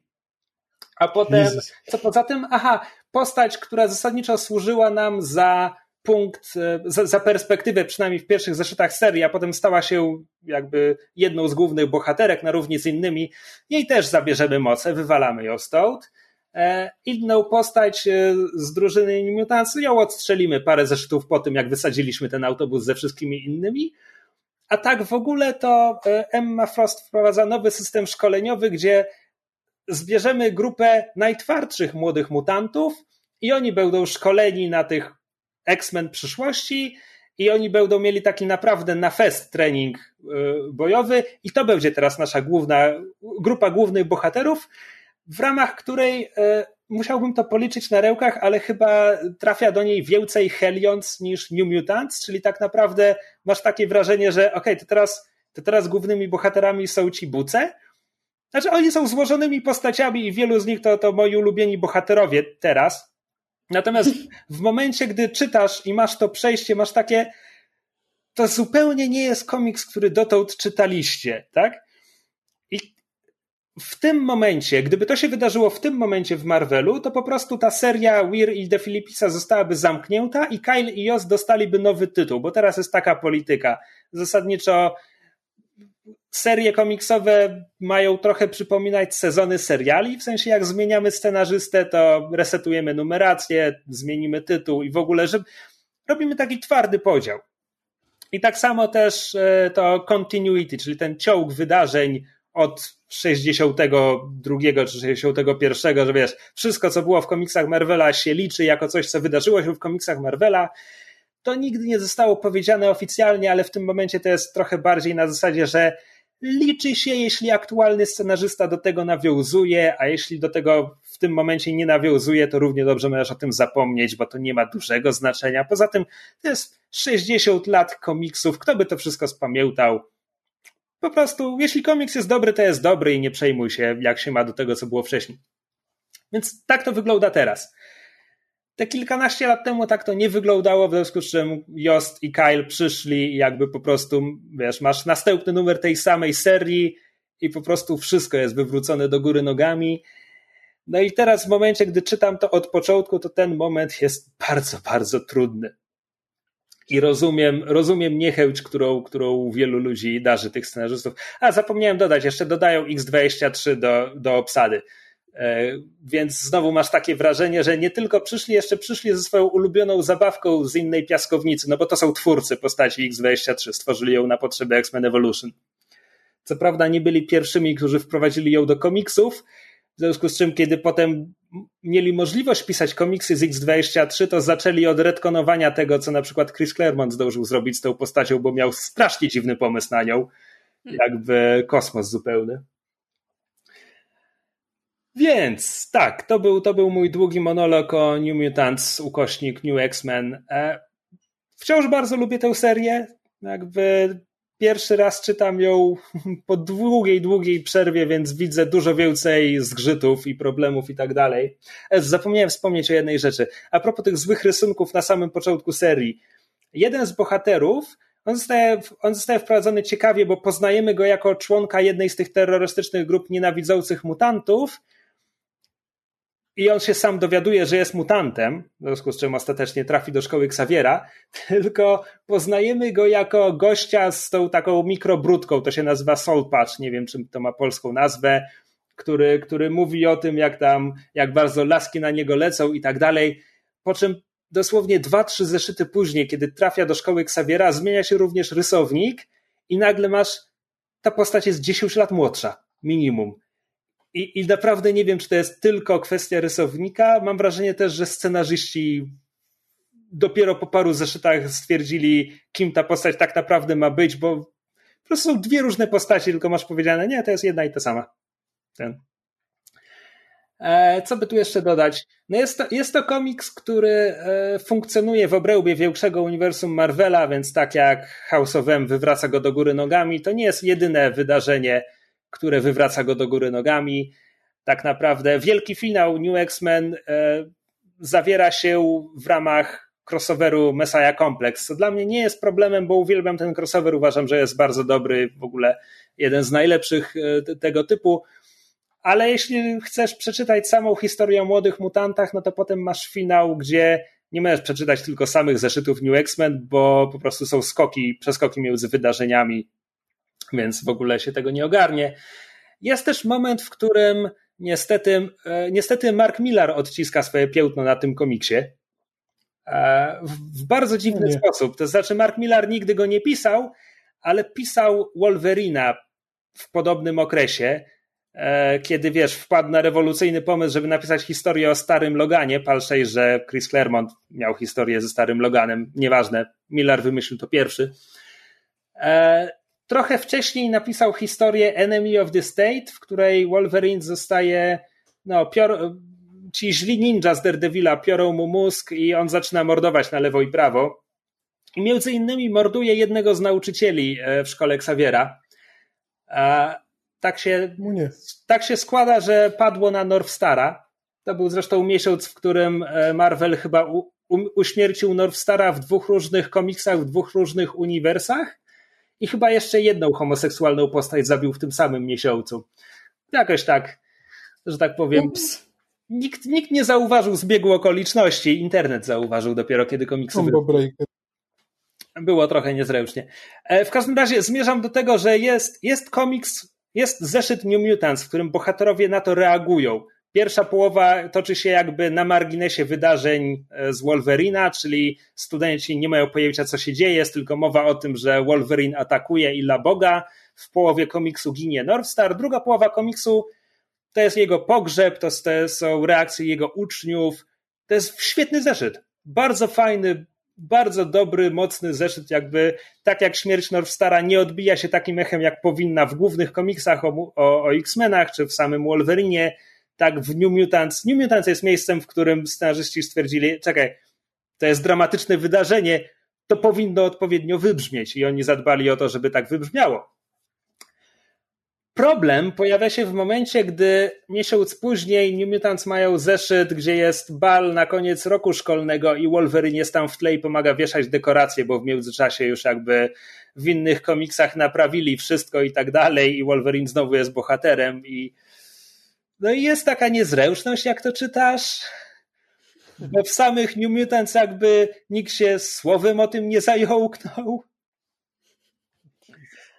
No ale to jest ten problem, jakby jeśli sięgasz po komiksy Marvela lub DC, o ile to nie jest bardzo konkretnie zamknięta historia od początku do końca, możesz przeczytać tylko to i nie wiedzieć nic poza tym o tym uniwersum, a to jest zdecydowana mniejszość pozycji wydawanych przez jedno i drugie wydawnictwo. Po prostu, jeśli decydujesz się, żeby czytać Marvela lub DC, będziesz mieć do czynienia z takimi rzeczami. No, przykład kompletnie z innej mańki y, Gotham Central z DC. Świetny komiks kryminalny o zwykłych policjantach żyjących i pracujących w cieniu Batmana i ich trudnej relacji z Batmanem i tak dalej.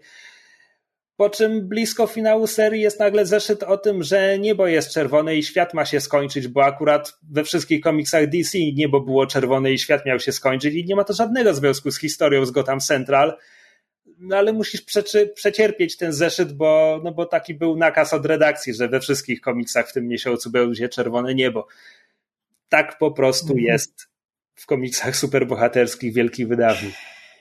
No właśnie, dlatego ja, ja ich nie czytam, chociaż e, bardzo, bardzo lubię X-Menów jakby jako koncept i, i lubię niektóre postaci i jakby te niektóre wątki, które gdzieś tam po drodze mi mignęły albo z drugiej ręki czytając w internecie albo słysząc od ciebie, albo te nieliczne, które sama czytałam, bardzo lubię, ale potem właśnie wiesz, zaczynam im dalej brnę, tym bardziej sobie zdaję sprawę z tego, że tego nie rozumiem, to nie wiem do czego nawiązuje, to bym się musiała cofnąć 20 lat i po prostu. Znaczy, znaczy... Nie. Znaczy, ja rozumiem, że niektórzy ludzie nie mogą tego przeskoczyć, ale mówisz, tu bym się musiała cofnąć 20 lat. Nie, nigdy nie musisz się cofać. Jakby wystarczy, że bierzesz komiks i go przeczytasz. Ale właśnie o to chodzi, że jak, jak próbowałam, w sensie próbowałam to olać i przejść na tym do porządku dziennego na zasadzie, okej, okay, nie wiem do czego to nawiązuje, olejmy, albo nie muszę wiedzieć co to jest, to nie czerpałam z tego żadnej przyjemności, bo miałam wrażenie, że coś mi umyka. I ja bardzo tego nie lubię. Znaczy, z drugiej strony jestem jedną z tych osób, które jeżeli wiesz, czytają jakąś serię książek, które wychodzą systematycznie i potem sobie zrobię przerwę i wyjdzie kolejny tom, to ja czuję potrzebę przeczytania z powrot całej serii od początku, żeby mieć znowu z powrotem kontekst, a nie zaczynać to, to znaczy, kolejny tom bez, tylko, że... bez podkładki. No więc właśnie, właśnie mam wrażenie, że dla takich ludzi jak ty jest ta polityka Marvela obecna, że jak, jak przychodzi nowy scenarzysta, to, to jest początek tej serii i tyle. I Miękki reset. Poprzednie wydarzenia nie mają znaczenia, o ile scenarzysta konkretnie do nich nie nawiąże. I jest dużo serii, jakby.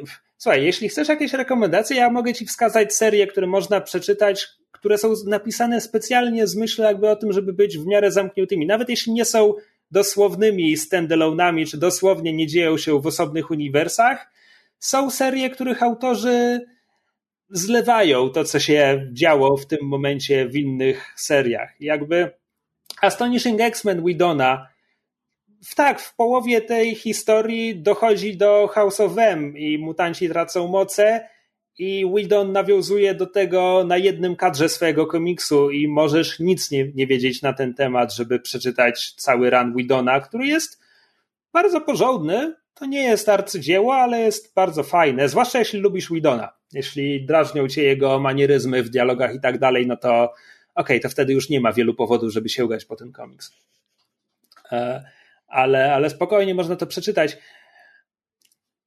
Problem jest jakby, tak jak bardzo lubię komiksy o młodych mutantach, nie potrafię wskazać komiksu o młodych mutantach, który miałby taką formę, ponieważ e, one zawsze są spin-offem. Znaczy New Mutants, oryginalny New Mutants jest totalnie spin-offem X-Menów. E, jakby New Mutants, o którym mówię w tym odcinku, bierze się z tego, co się akurat dzieje w głównych tytułach, no i co najmniej trzy razy w ciągu całej tej serii to, co się dzieje w innych tytułach, bardzo mocno wpływa na to, co się dzieje w samym New Mutants czy, czy New X-Men. E, więc tak. No, no takiego, takiego komiksu o młodych mutantach, który byłby tylko o młodych mutantach i możesz olać wszystko dookoła, nie wiem, Generation X na pewno odpada. Generation X sprzed dwóch lat mogłoby się kwalifikować, ale to jest, to jest drobiażdżek. Ja nawet nie wiem, czy ta seria dociągnęła do 12 zeszytów. Była bardzo sympatyczna, gdyby ktoś próbował. Z Generation X z 2017 chyba okolic. Um, niech pomyślę. No, no, chyba nie ma innej takiej. No, no więc dlatego czekam na filmowych New Mutants. To jest moja jedyna nadzieja, żeby zobaczyć młodych mutantów w jakiejkolwiek postaci. Znaczy, tak naprawdę. Ja... Bardzo, bardzo czekam na Twoje porównania filmu do komiksów. Jak już wyjdzie, to będziemy, e, będziemy robili sobie odcinek. Tak naprawdę ja nie czytałem oryginalnych komiksowych New Mutants. I właściwie to mam zamiar, mam zamiar to nadrobić, jak, jak skończę już powtórkę tych New Mutants i New X-Men e, bo słyszę bardzo dobre rzeczy regularnie w na przykład J.N. Miles Explain the X-Men, jakby wiem, że dla fanów starszej daty ode mnie to, że tak powiem, to jest ich komiks o młodych mutantach, co jest naturalne i oczywiste, bo są starsi i czytali go na bieżąco. E, ale podobno jest bardzo dobry, więc chcę mu dać szansę kiedyś. E, co prawda, cofanie się do bardzo starych komiksów Marvela potrafi być. Znaczy, ujmę to inaczej. Jeśli są ludzie, którzy mówią, nie, ja muszę przeczytać od początku i ja kiedyś słyszałem takie deklaracje, że ktoś próbuje czytać Spidermana od samego początku. Okej, okay, Spiderman z lat 60., rysunki, rysunki Steve'a Ditko, spoko, styl Stanali, niektórzy ludzie to lubią. Jakby Spider-Man z lat 60. ma zalety. X-Meni z lat 60. to jest Stan Lee i Jack Kirby. To są dwie legendy, ale ich X-Meni prawdopodobnie są najgorszą pracą jednego i drugiego z tej dekady. W sensie to był komiks, w którym im się nie chciało. Naprawdę. Ojej. Autentycznie. A z drugiej strony masz te pierwsze 4-14 zeszytów i jest tam już mnóstwo elementów, które wiesz, są na stałe w kanonie, w kanonie mutantów. Może nie wszyscy przeciwnicy z tamtych, z tamtych zeszytów tak się głęboko zapisali.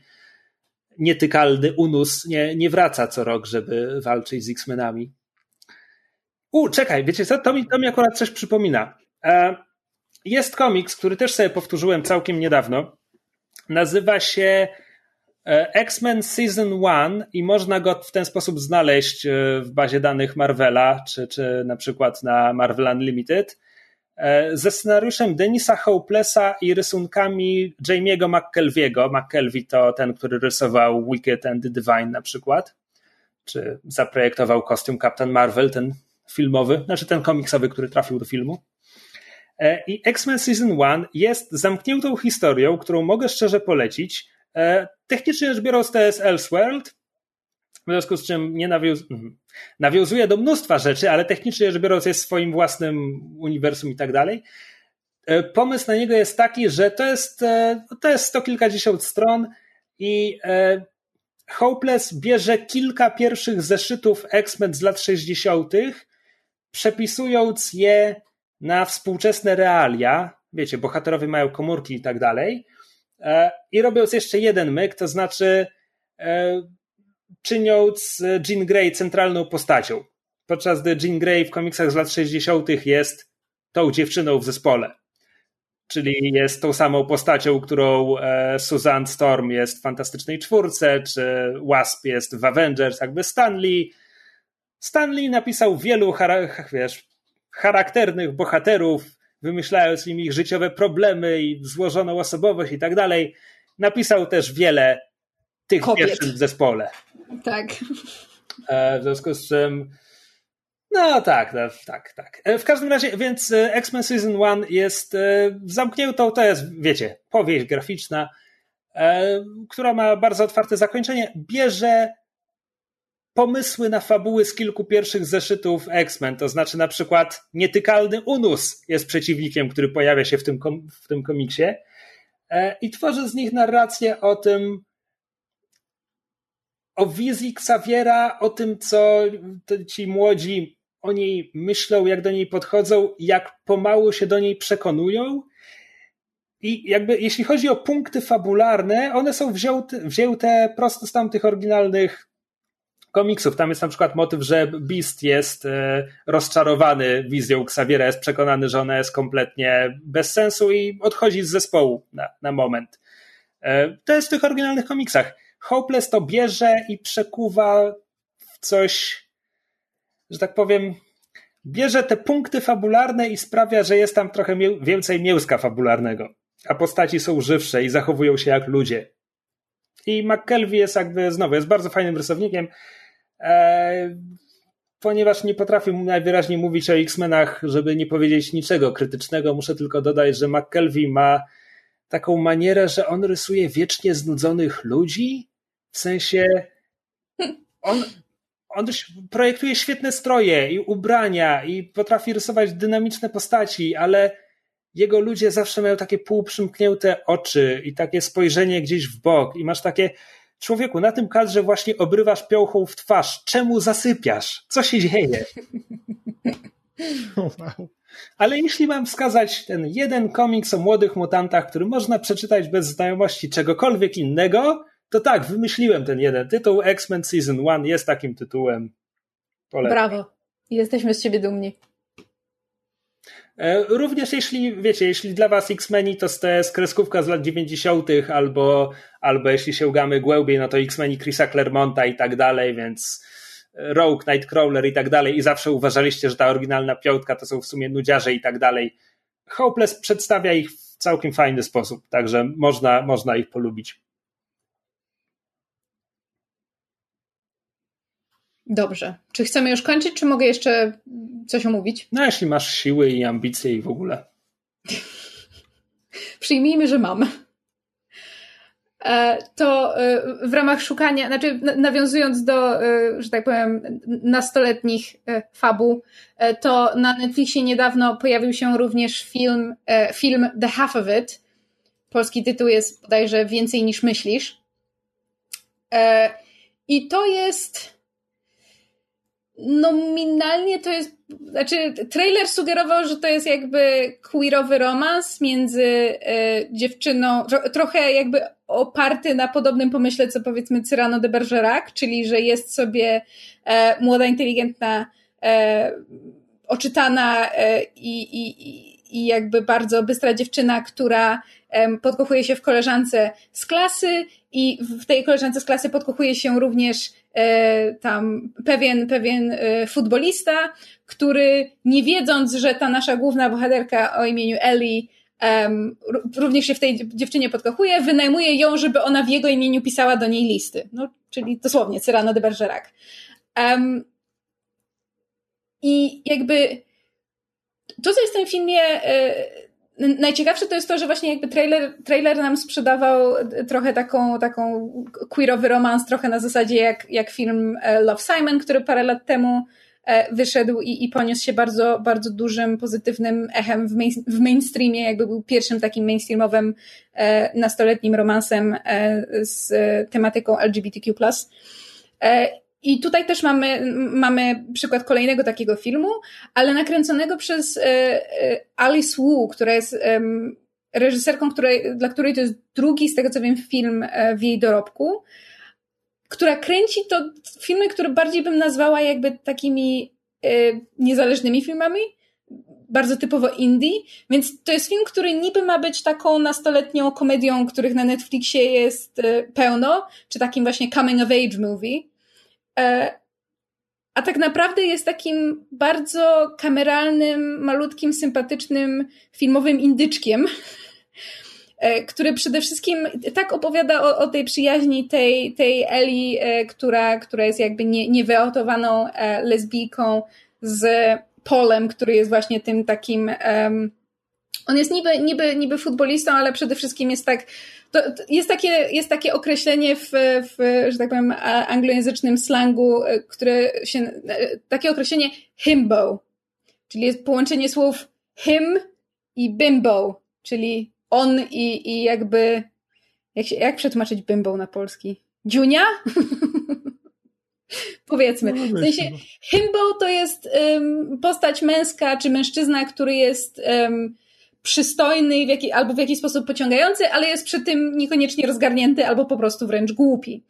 E, tylko, że jakby w takim powiedzmy fanowskim dyskursie e, himbo, określenie himbo dla jakiejś postaci, na przykład w filmie, czy w książce, czy w fanfiku, czy gdziekolwiek, zazwyczaj niesie też ze sobą to, że że, że jest e, niekoniecznie błyszczy intelektem, że jest przystojny albo pociągający, ale ma też dobre serce, czyli jakby zawsze jest ten dodatkowy element, że on jest po prostu, może nie jest naj, naj, najjaśniejszą kredką w pudełku, ale przynajmniej ma dobre serduszko. E, I Paul, właśnie bohater um, The Half of It, jest, jest, jest takim typowym himbo, co jest o tyle urocze, że um, w, w, jakby w twórczości fanowskiej um, czy właśnie w takim dyskursie fanowskim przyjaźnie między postaciami lesbijek a, a właśnie himbos, czy, czy dude bros, czyli takimi właśnie um, nie wiem, bracholami. Niekoniecznie rozgarniętymi, ale, ale w gruncie rzeczy sympatycznymi, czasem popularnymi chłopakami. Są bardzo, bardzo lubiane i, i, i bardzo często właśnie komentowane jako taki fajny rodzaj relacji. I fajnie, że jest film, który, który tego typu właśnie przyjaźń pokazuje. Natomiast to nie jest komedia romantyczna, w sensie jakby to nie jest główny, najważniejszy element filmu, e, a ponieważ reżyserka jest e, z, Asian American, czyli jest jakby jej rodzice emigrowali z, z, z Tajwanu. W związku z tym um, jej film w dużej mierze skupia się na tym, że Ellie też jest właśnie e, Amerykanką azjatyckiego pochodzenia. E, jej, jej rodzice przyjechali z Chin e, i jak ona się odnajduje jako nie dość, że właśnie e, niewyautowana lesbijka, e, to jeszcze na dodatek osoba właśnie e, azjatyckiego pochodzenia, chińskiego pochodzenia w bardzo małym, małym miasteczku e, w Stanach Zjednoczonych, e, gdzie jakby czuje się outsiderką nie tylko ze względu, że jakby jest właśnie inteligentniejsza od powiedzmy swoich kolegów i koleżanek i kolegów z klasy, ale jest, też ma właśnie jakby inne doświadczenia. Jej, jej tata jest imigrantem z, z Chin, który w Chinach był jakby inżynierem i miał, miał karierę naukową, a po przyjeździe do Stanów nie był w stanie znaleźć pracy, no bo jego, jego jakby um, jego doświadczenie i jego dokumenty się nie liczą. E, I to jest taki strasznie sympatyczny, kameralny film, który, który wydaje mi się, że warto obejrzeć. Zwłaszcza, że jest to już drugi, tak jak wspomniałam, drugi film tej, tej reżyserki.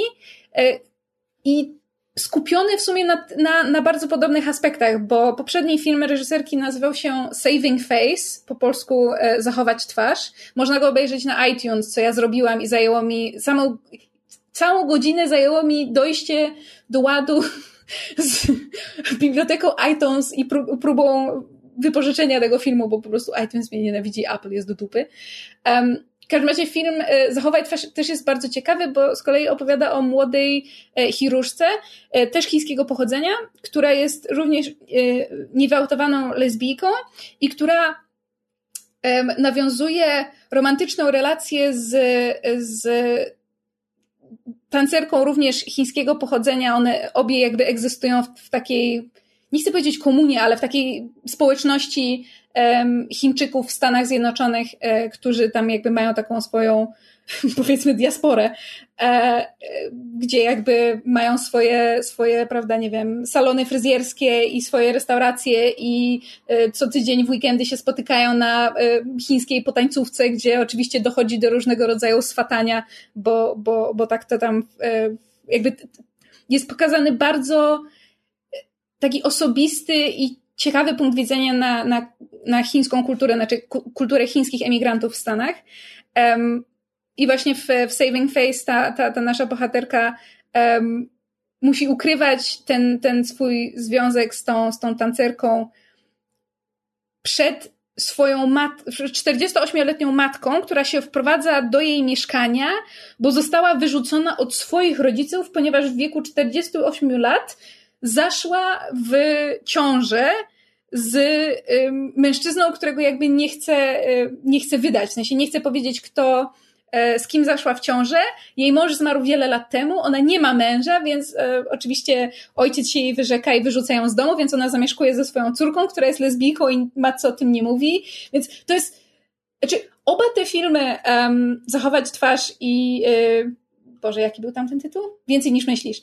E, są strasznie takimi fajnymi, kameralnymi spojrzeniami na właśnie na życie um, chińsko-amerykańskiej e, społeczności. I bardzo je bardzo polecam, nie tylko jeżeli ktoś lubi wątki e, queerowe w, kinematografii, to są bardzo fajne, sympatyczne, kameralne filmy. Um, The Half of It, czyli Więcej niż myślisz, można obejrzeć na Netflixie. Zachować twarz, czyli um, Saving Face można za 9,99 wypożyczyć na iTunes. E, bardzo polecam sympatyczne filmy i ciekawe spojrzenie na, na społeczność Asian Americans. O, i to tyle. I to chyba tyle w tym odcinku. Tak, wyszedł nam y, odcinek 45 minut plus godzina. Więc myślę, że słuchacze będą zadowoleni, a przynajmniej taką, y, y, na, to, na to liczymy.